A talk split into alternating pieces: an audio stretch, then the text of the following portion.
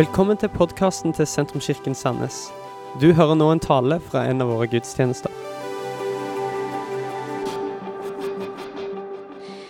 I Sentrumskirka har den store overskriften for dette halvåret vært kjærlighet. Kjærlighet. I januar snakket vi om plante oss i kjærlighet. Å plante oss i Gud. Plante oss i Hans ord og i Hans vilje. For Gud er kjærlighet. Gud har ikke bare kjærlighet, gir ikke bare kjærlighet og gjør kjærlighet, men han er kjærlighet. Så vi har snakket om å plante oss i Han som et utgangspunkt for en etterfølger av Jesus. Å plante oss i hans kjærlighet. I februar har vi snakket om å vokse i denne kjærligheten, som jeg skal få avslutte i dag, denne serien. Hvordan vokser vi i kjærlighet? Hvordan gjør vi det? Hvordan vokser vi i kjærlighet? Hvordan modnes vi som kristne? Som kristne har vi jo Jesus som forbilde. Vi ønsker å være som han og leve som han. Men hva gjør vi når vi har lyst til å gjøre det, men vi gjør dette? Hva gjør vi når jeg har lyst, å, jeg har lyst til å være sånn, men jeg er sånn som dette? Hva når jeg ikke får det til? Hva når jeg feiler? Hva når jeg snubler? Hva når jeg gjør feil og dumme ting? Hva da? Hvordan vokser vi? Hvordan modnes vi? Og hva gjør vi på veien? Før vi hopper inn i Guds ord, så har jeg lyst til å be en bønn for oss. Far, jeg takker deg at du er her. Takker deg, Gud, at du er midt iblant oss. Takker deg for at du ønsker å tale til oss, at du ønsker å tale inn i våre liv. Gud, så jeg bare ber om at du skal åpne våre øyne til å se deg tydeligere. Åpne våre ører, Gud, til å høre deg klarere. Og åpne vårt hjerte til å ta imot alt det du har for oss. Ber jeg om at du skal tale inn i våre liv, at du skal tale inn i våre situasjoner. Du skal tale inn i hverdagen vår, at du skal tale inn i kirka vår. I Jesu navn. Amen. I Filippabrevet kapittel 1 og vers 3-6 så står det Jeg takker alltid min Gud når jeg tenker på dere. Og alltid i alle mine bønner ber jeg for dere med glede. For fra første dag og fram til nå har dere hatt del med meg i evangeliet. Og jeg er trygg på at Han som har begynt sin gode gjerning i dere, skal fullføre den, helt til Jesu Kristi dag. Jeg er trygg på at han som har begynt sin gode gjerning i dere, skal fullføre den helt til Jesu Kristi dag. Jeg vet ikke om du noen gang har hatt en drøm om å gjøre noe eller få noe til. Og I begynnelsen så er liksom alt amazing sant? og kjempegøy. Enkelt å starte. Men så i midten så blir det plutselig litt vanskelig. Du hadde en drøm, og i begynnelsen så er det enkelt, i begynnelsen så er det kjekt. Men en eller annen plass i midten så begynner du kanskje å angre litt. Kanskje bare pusse opp hus sammen med eh, mannen din, pusse opp hus sammen med kona di. Jeg har hørt mange historier om folk som er kjempegira på å pusse opp leilighet sammen. kjempegira på å pusse opp hus, Og en eller annen plass i midten så er det sånn Åh, hvorfor gjorde vi dette? Hvorfor bestemte vi oss for å gjøre dette? Dette er forferdelig. Eller kanskje du har hatt en drøm om å springe maraton, og idet liksom du begynner, og du er liksom i midten eller kanskje i midten av et halvmaraton, så tenker du bare Åh, hvorfor i all verden ville jeg gjøre dette? Hvorfor bestemte jeg meg for å gjøre dette? En eller annen plass i midten så blir det utrolig vanskelig. For meg så hadde jeg en drøm om å hoppe i fallskjerm. Eller drømmen var egentlig ikke å hoppe i fallskjerm. Drømmen min var å overvinne høydeskrekken min. Og så hadde jeg en kompis, han hadde en drøm om å hoppe i fallskjerm. Så vi liksom kombinerte. Tenkte ja, ja, dette blir jo konge. Ja, ja, hoppe i fallskjerm, overvinne høydeskrekken. Veldig kult. Og i begynnelsen var det veldig enkelt. Og i begynnelsen var det veldig kult, for jeg var sånn, altså, jeg måtte jo bare si at jeg skulle gjøre det. Altså, det var jo bare, ja, jeg skal hoppe i fallskjerm. Folk spurte ja, hva skal du gjøre i helga. Jeg skal hoppe i fallskjerm. No big deal. Frykt, liksom, redsel, whatever. Jeg møter frykt, jeg bare ler. Ha-ha-ha. Og liksom, I begynnelsen så var liksom Det var ganske nice. Liksom, enkelt. sant? Dagene leda opp med at jeg skal hoppe i fallskjerm. Kjempekult. Så kom dagen. ting begynte å bli vanskeligere. Vi satt oss i bilen på, på, vei til flyplassen, og jeg kjente begynte å bli skikkelig nervøs. Begynte å bli kvalmen, begynte å få vondt i hele kroppen. og begynte liksom å grue meg enormt. sant? Kommer fram til flyplassen, kommer i et rom der vi går gjennom sånn, sikkerhetsinstrukser. De viser utstyret, du får en sånn instruktør du skal hoppe sammen med. Og jeg kjente bare at jeg begynte å bli mer og mer nervøs. Det begynte å bli mer og mer vanskelig. Jeg begynte å tenke nå er, altså, Dette er sjansen min. Det er nå jeg må hoppe av. Altså, Nå må jeg springe for livet, liksom. Dette, jeg liksom, kunne liksom se for meg at liksom, vet du hva, jeg hopper, og, og så åpner ikke fallskjermen. Og bare, nei, Jeg tenkte bare nå, det er nå eller aldri. Jeg, hvis jeg ikke skal hoppe, da er det nå jeg må, jeg må gå. Men jeg liksom tenkte nei, jeg har ikke lyst til å være den pysa. Og ikke som den pysa som sier du skal gjøre noe, og så klarer du det ikke. Så jeg sånn, åh, satt meg gjennom denne instruk sånn, sikkerhetsinstruksene, satt meg gjennom, liksom, fikk utstyr på, tok på sånn kjeledress på en måte og alt. Så begynte vi å gå mot flyet. Og det hadde vært vanskelig, men egentlig så var det liksom ganske lett ennå. Gikk mot flyet, satte oss i flyet, flyet tok av, og vi begynte liksom å stige i høydene, kalles det. Og så kommer du opp til den høyden der du skal hoppe. Og det var helt forferdelig. Du kommer opp til en høyde, og så er det sånn Nesten no going back. Og jeg kjente jeg var en, eller annen plass i midten. Det var ikke gøy lenger i det hele tatt. Det var ikke spennende. Eh, men jeg hadde en sånn enorm frykt i hele kroppen. Smerte overalt. Kjempenervøse. Og liksom, det var på tide for at vi skulle hoppe. Og den drømmen som jeg tenkte var så enormt kul, var plutselig utrolig, utrolig vanskelig. Folk begynte å hoppe. Jeg var den siste som kom meg ut flyet. Jeg kom meg ut flyet til slutt. Men fy søren, så forferdelig det var. Og det, absolutt, det hjalp absolutt ikke på noe høydeskrekk. Det skal jeg bare si. Men jeg lurer på ofte om at det er sånn. Vi har en drøm, vi har et mål, og så kommer man en plass i midten. Og så blir det utrolig vanskelig. Begynnelsen er ofte lett. Og slutten oh, den er jo fantastisk. Men midten, det er der det blir vanskelig. Midten, det er der det blir tungt. Det er der vi begynner å tvile på oss sjøl. Det er der vi begynner å spørre oh, klarer jeg dette. Får jeg dette til? Åh, det er midten som er vanskelig. Når du studerer første året, åh, det er jo kjempespennende. Nytt fag, nye venner, blir kjent med professorer. Kjempegøy å studere. Uh -huh. Siste året det er jo kjempenight. Du går rundt og bare tenker siste året er snart ferdig, det blir deilig. Men i midten det er da du tenker åh, har jeg valgt rett? Kan jeg dette? Er dette for meg? Altså, Har jeg det, har jeg, det jeg trenger til å få dette til? Det er midten som er vanskelig. Jeg har lyst til å springe et maraton, da. Og jeg snakker ikke ut av erfaring, men fra hva min mann har fortalt meg Begynnelsen den er jo den er nice. Sant? Og slutten at da er du ferdig. Men midten, det er da det blir vanskelig. Det er da du må bestemme deg på ny. Skal jeg faktisk gjøre dette? Skal jeg fullføre dette? Der kommer smerten. Der kommer tvilen. Og der du må bestemme deg skal jeg fullføre. Skal jeg gjøre dette? Det er midten som er vanskelig. Og Hvis du tar notater i dag, så er min overskrift for talen 'Skitten i midten'. For det er midten som er vanskelig. Jeg vet ikke hvor alle vi i dette rommet er henne i dag. Hvor du befinner deg henne i livet. Men vi har alle erfart, og kommer alle til å erfare, det å være i midten av noe. Kanskje du kommer ut av en sesong der du har vært i midten av noe. Kanskje er du der akkurat nå, eller er du på vei inn der?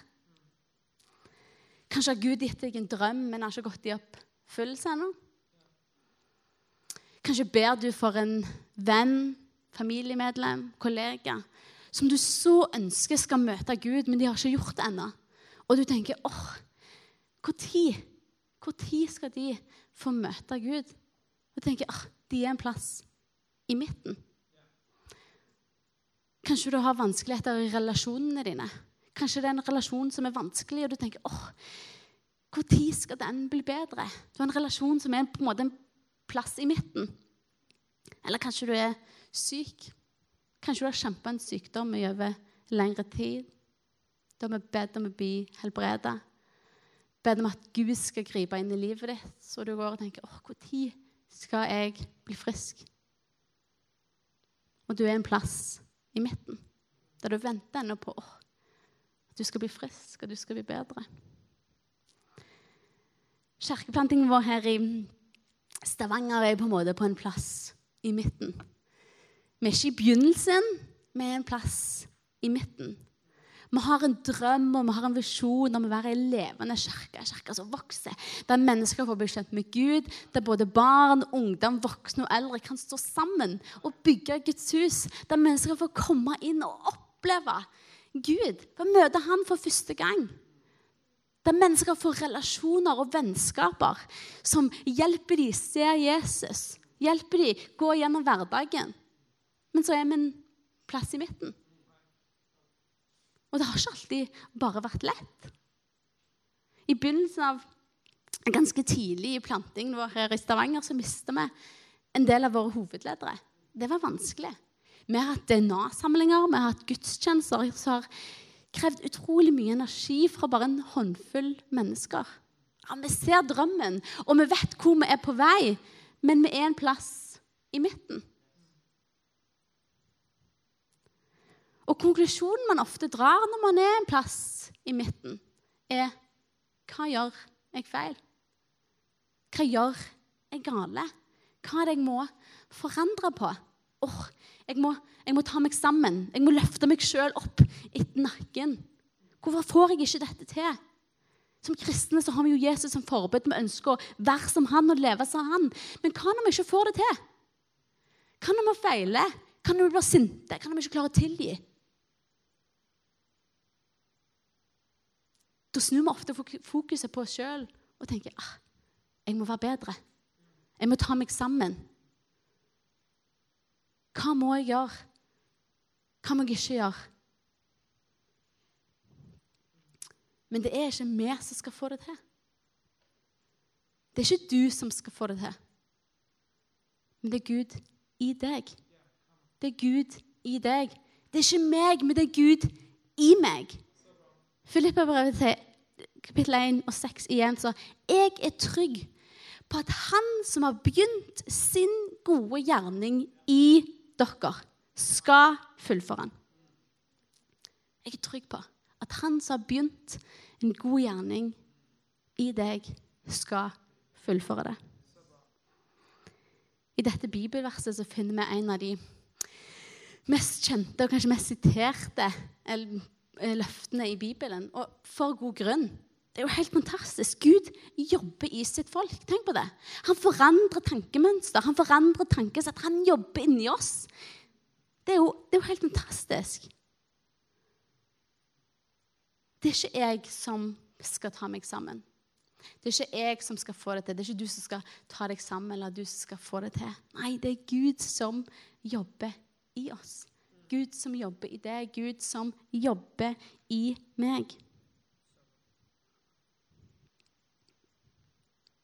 Paulus sier, 'Jeg er trygg på dette'.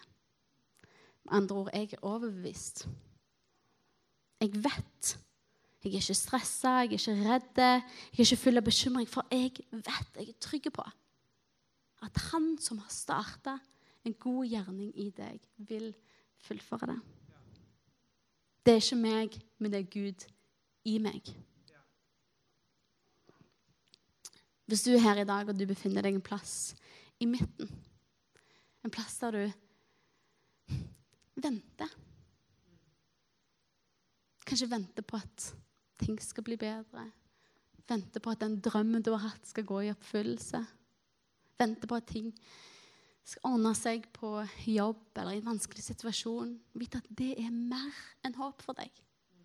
Det er mer enn håp, for Gud er ikke ferdig. Det han har starta i deg, det vil han fullføre. Hvis vi sammenligner livet litt med en fotballkamp, og for en eller annen grunn så kanskje finner du deg sjøl på benken Kanskje du gjorde en feil, som gjorde at du ble satt på benken. Kanskje du ikke hadde trent nok. Kanskje det var noe ute av din kontroll som gjorde at du ble At du kanskje tok deg sjøl av banen, eller kanskje du er i en økonomisk vanskelighet, eller for en eller annen grunn så finner du deg sjøl på benken av livet. Kanskje livet med Gud. Lær det Gud vil du skal lære, og kom tilbake i kampen. Kom tilbake i kampen. Gud er ikke ferdig med deg. Det er mer enn håp for deg. Det han starta i deg, det vil han fullføre. For meg og Jason så kan vi egentlig si at vi lever litt i en tid og i en sesong av livet som er prega mye av å være litt i midten. Meg og Jason har vært gift i litt over sju år. Eh, og vi ble kjent når vi studerte i Australia. Og etter vi hadde gifta oss, flytta vi til USA med en gang. Vi var med noen, et vennepar av oss og hjalp de idet de planta en menighet i USA. Og når vi gifta oss, så tenkte vi egentlig at vi har lyst til å bare være meg og han. Jeg følte meg ganske unge. Eh, når jeg gifta meg, vi liksom var ikke helt klar for å få barn og bli liksom, stifta liksom, familie. bli sånn skikkelig voksen. Eh, så vi var sånn OK, vi har lyst til å bare være meg og Jason en periode. Et par år, liksom. Um, og så hadde jeg kanskje ikke superlyst til å få barn i USA heller. Um, det er nordmannen sin, liksom. Nei, Norge er best. Um, så jeg var sånn, nei, jeg var liksom ikke superkeen på det. men etter vi flytta til Norge, så begynte vi liksom å bli klar. Vi tenkte sånn, ah, begynne å bli litt klar for å bli foreldre, liksom. Jo, nå, nå er vi liksom i en alder eh, Kanskje at liksom Ja, jeg tror kanskje vi er klar for det.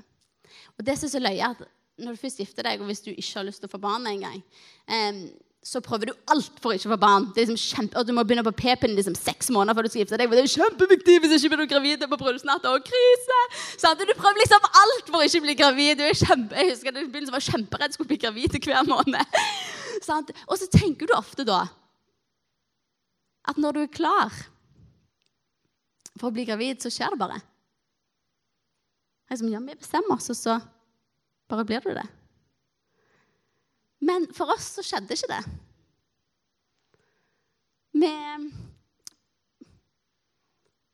vi Jeg prøver ikke å si et ord som jeg tenker på. Vi, vi prøvde å bli gravide en stund, men egentlig ingenting skjedde. Og så I fjor høst så trodde vi liksom endelig nå er vi ute av midten. Så Vi følte oss jo på en måte, oh, vi har en drøm og vi har et ønske. Men det skjer ikke. Og så følte vi oss på en plass i midten. Og så i fjor høst tenkte vi å, nå endelig. Endelig er vi ute av midten. Og jeg ble gravid. Vi var jo superhappy. Og gikk til ultralyd hos legen. Og legen så liksom at ting er ikke helt som det skal. Ting ser ikke helt rett ut eller riktig ut. Og så ble vi sendt til sykehuset. Fikk vi en sånn litt mer seriøs undersøkelse. Og jeg tenkte at alt er greit. Alt er bra. Hallo, Gud er jo med oss. Dette, blir, dette er jo all good. Jeg var 13 uker på vei. Så jeg var så langt på vei. Og jeg tenkte som, ja, alt er good, liksom. Og vi gikk i undersøkelse på sykehuset, og der fant ut at alt var ikke som det skulle. Alt var ikke som det skulle. Jeg ble innlagt på sykehuset med en gang. Rett etterpå måtte være der en periode. Og så finner vi oss sjøl på midten. Vi tenkte åh, nå er vi ute av midten. Men så finner vi oss sjøl akkurat der, i midten. Venter på noe. Og det er ikke så ofte man hører historier fra mennesker som er i midten. Som lever i midten. Og det er mange forskjellige grunner til det. Selvfølgelig er det kjekkere å fortelle en historie der du har en måte en seier Selvfølgelig er det kjekkere å fortelle en historie der du hadde en drøm, og så, og så du, kommer du på andre siden, og all, all, is well, liksom. Det er mye kjekkere det. Vi lever jo i en tid i en verden der det er kjekkest å vise glansbilder. Det er kjekkest å vise highlight av livet. Men de vanskelige delene av livet, de er det vanskelig å snakke om. Men jeg tror det er så viktig at vi som kirke at vi tør åpne oss for hverandre. Det betyr ikke at man skal snakke med alle om det, men snakke om livet. Dele både det som er godt, og det som er vanskelig. For vi tror at som kirke så er det det vi med en familie som står sammen. Gode øyeblikk, vanskelige øyeblikk.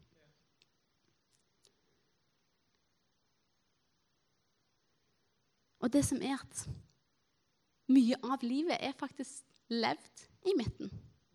Livet ser ikke ut som glansbilder og highlights, men mesteparten av livet er levd i midten.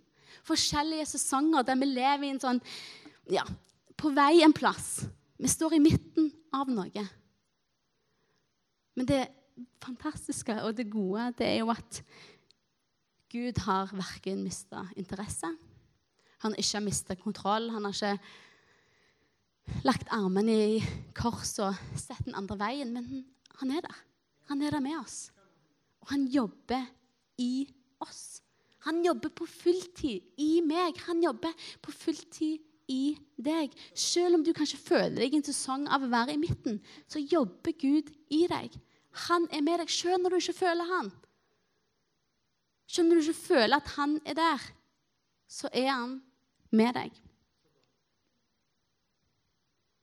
Her i Sentrumskirka i Stavanger Det Gud har starta i oss, det Gud har starta her, det vil han fullføre. Det Gud har starta her, det vil han fullføre. At det kan se vanskelig ut noen ganger. Det kan se lite ut med folk noen ganger. Men vet dere, det Gud har starta i oss, det vil han fullføre. Men hva gjør vi da når vi lever i midten? For mye av liv, livet er i en sånn midten-sesong. Hva gjør vi da?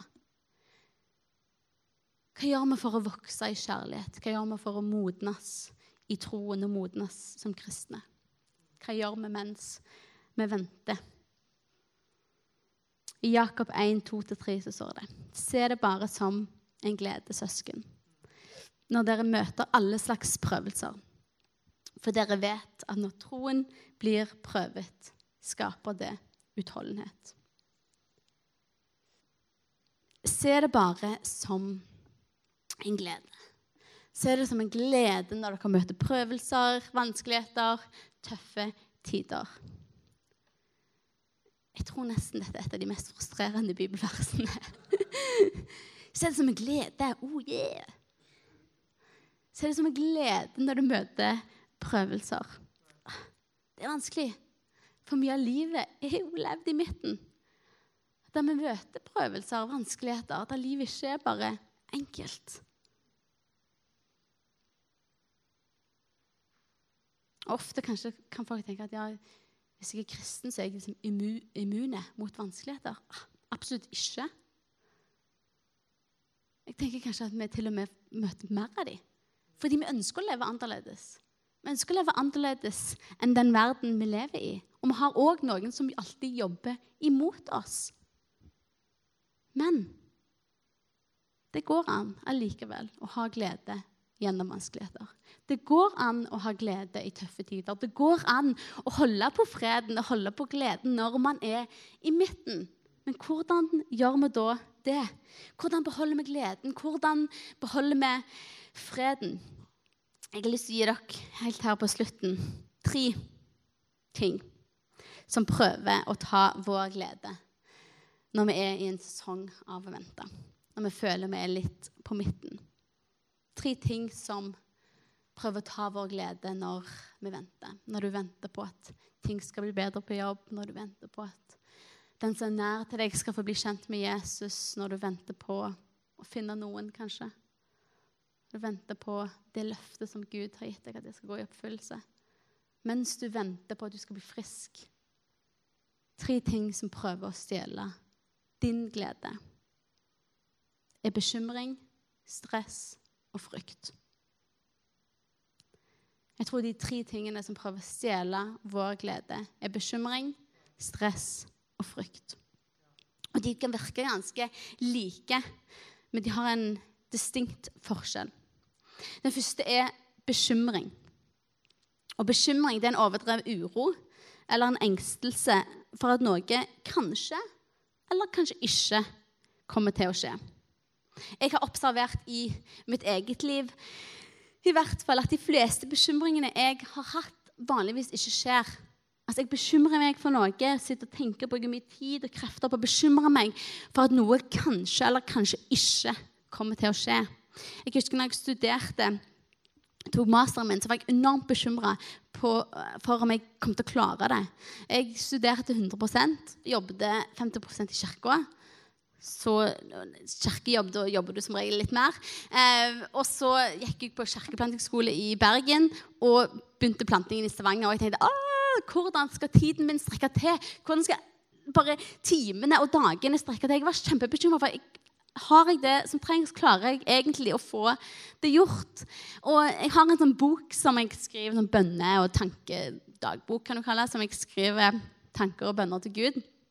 For noen måneder siden så gikk jeg tilbake i tid, og så leste jeg liksom bønner og tanker jeg hadde liksom for to, to år siden. liksom. Og så leser jeg jo at jeg brukte så mye tid og krefter på å være enormt bekymra for om jeg kom til å få det til. Og det virker jo så teit i ettertid å se tilbake og bli like Hallo! Det var jo så waste. Det gikk jo kjempebra. Klar, altså, no, no, big deal, liksom. Sånn? Og det er sånn åh, Hvorfor bekymrer jeg meg så mye? Hvorfor, hvorfor brukte jeg mye tid og krefter på ting som ikke skjedde. Ting som gikk helt fint. Men det er ofte sånn. Jeg ser det i meg sjøl og jeg ser det i andre mennesker. Ofte bekymringene våre. Det er ting som kanskje ikke skjer. Og jeg tror bekymring har en enorm kraft til å spise bort gleden vår. Nesten som en syre som kommer inn og bare tar gleden.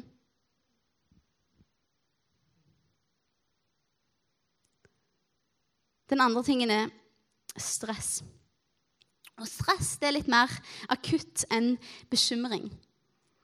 Stress er mer en, en intens belastning, egentlig. En intens belastning for en spesifikk situasjon som ikke kan endre, eller som er utenfor vår kontroll.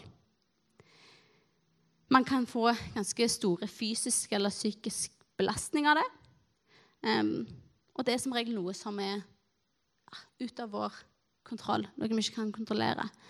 Men så tenker jeg jo av og til, i, i mitt eget liv, at den beste plassen for noe å være, er kanskje ut av min kontroll, ut av vår kontroll, ut av din kontroll. Men i stedet for å gi det til Gud, som er den sikreste og beste plassen, så ah, holder vi det sjøl. Sitter vi og tenker på det, sitter vi og ruger på det. Og det er ofte i det stadiet at vi sitter og tenker og sitter og ruger på stresset vårt, at det blir intensivert. Og som regel så er det som plager oss, og det som stresser oss, ikke så alvorlig som det vi sjøl kanskje gjør det til. Det er i hvert fall ikke verdt å miste gleden og kvaliteten av livet for. Den tredje tingen det er frykt. Og frykt derimot, det er litt annerledes enn bekymring og stress. Frykt det er en uro, det er en redsel, en engstelse over nærvær av smerte, fare, ondskap. Men som de andre to så får frykt vanligvis ting til å se verre ut enn det egentlig er. Så hvordan lever vi med bekymring? Hvordan lever vi med stress? Hvordan lever vi med frykt? Det er veldig populært Eller populært, det er kanskje teit ord. Men liksom hipp liksom sånn oh, Hashtag liksom Hashtag no worries. Eller hashtag no fear. I fear nothing. Fearless. Og så er det sånn Det er kult, men jeg Eller jeg syns faktisk ikke det er så kult. Men liksom det er jo, altså, Frykt er en helt naturlig følelse som er bra at vi har. Står du på toppen av et fjell og det er kjempehøyt ned, og du er redd, så er det bra. Det er, det er veldig bra at du har det. Hvis ikke, så er det, hvis ikke du har det, da er det ikke bra. Men og disse det, det vanlige ingredienser av livet. Bekymring, stress og frykt. Men hvordan lever vi med det? Hvordan kan vi ha det, men at det ikke stjeler gleden vår? Ikke stjeler fokuset vår? Ikke at det blir det vi fokuserer på? At det blir stress eller bekymringen eller frykten som vi fokuserer på? Hvordan kan vi leve med stress og bekymring og frykt i livet? Og la det ikke stjele gleden vår? Hvordan håndterer vi disse tingene? Paulus sa jeg er trygg på, jeg er sikker på, jeg er overbevist at han som har begynt en god gjerning i deg, vil fullføre det. Jeg er trygg på, jeg er overbevist at han som har begynt en god gjerning i deg, vil fullføre det. Hvordan ser det ut rent praktisk? Ah, Begynnelsen av dagen. Før man begynner noen ting, så man er i en sesong av å være litt i midten. Ah, Sett fokus på Jesus. Og si, vet du hva, Gud, du er i kontroll. Du er nær til meg. Jeg vet at du er nær. Selv om jeg kanskje ikke føler, meg, føler deg, så er du nær. Du har kommet nær til ditt folk. Du er tilgjengelig for meg. Jeg trenger ikke bekymre meg for noe. Jeg trenger ikke å stresse. Jeg trenger ikke frykte. For Gud, du vet hva som er bak meg. Du vet hva som er rundt meg. Du vet hva som er foran meg. Du vet hva som kommer til å skje, hva som ikke kommer til å skje. Du vet det som er utenfor min kontroll. Du kjenner meg. Alle detaljer av mitt liv, Gud, det kjenner du. Og så jeg vet hva, Gud, OK. Det du har starta i meg, det har jeg tro på at du skal fullføre. Ah, jeg gir det over til deg. Jeg gir det til deg. Jeg legger det i dine hender. Jeg stoler på deg.